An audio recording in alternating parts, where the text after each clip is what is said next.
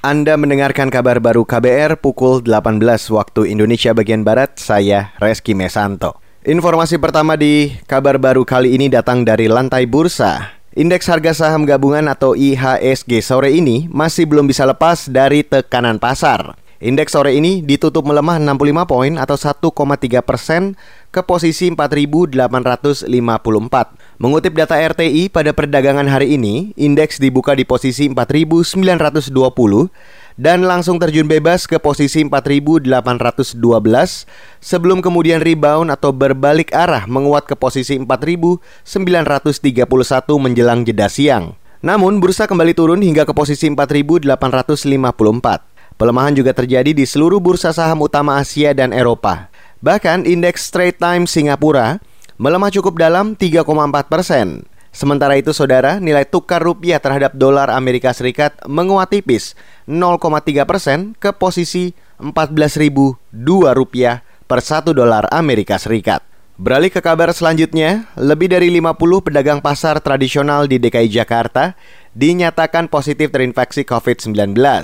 Direktur Utama PD Pasar Jaya Arif Nasrudin mengatakan, data itu didapat dari hasil tes di 19 pasar di ibu kota hingga hari ini. Dari enam pasar yang terdapat penularan COVID-19, kasus terbanyak ditemukan di Pasar Klender, Jakarta Timur, dengan jumlah positif sebanyak 20 orang. Dari 19 pasar itu yang sudah dites sebanyak 1.418 pedagang. Kemudian yang diketemukan hasil yang sudah ada hasilnya itu ada 6 pasar. Totalnya terpapar itu sebanyak 52 orang. Selebihnya yang 10 pasar masih menunggu hasil, 3 pasar dinyatakan negatif dari pengecekan. Direktur Utama PD Pasar Jaya Arif Nasrudin menambahkan, pasar-pasar yang ditemukan pasien positif COVID-19 langsung ditutup selama tiga hari untuk sterilisasi dan penyemprotan menggunakan disinfektan. Sementara pedagang yang dinyatakan positif langsung dirujuk untuk proses perawatan medis. Namun, bagi pedagang yang positif tanpa gejala atau OTG diarahkan untuk melakukan isolasi secara mandiri. Kita beralih ke kabar selanjutnya. Wali Kota Medan, Sumatera Utara nonaktif Zulmi Eldin difonis hukuman 6 tahun penjara dan pidana denda sebesar 500 juta rupiah atau hukuman pengganti 4 bulan penjara.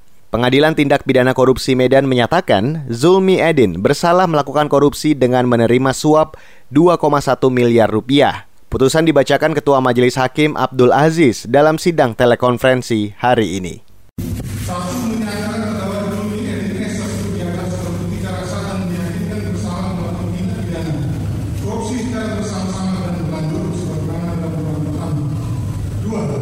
dijatuhkan pidana terhadap terdakwa oleh hakim dengan pidana penjara selama 6 tahun.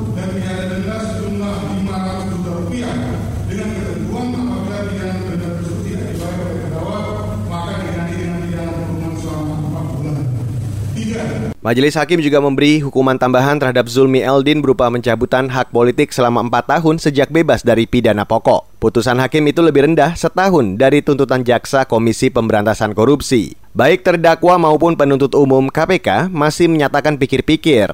Zulmi Eldin didakwa menerima suap dari lebih dari 20 pejabat setingkat eselon 2 senilai 2,1 miliar rupiah di Medan. Suap itu diduga agar terdakwa mempertahankan jabatan mereka. Zulmi terkena operasi tangkap tangan KPK pada Oktober tahun lalu. Sejumlah kepala dinas jadi tersangka pemberi suap. Demikian kabar baru KBR saya Reski Mesanto.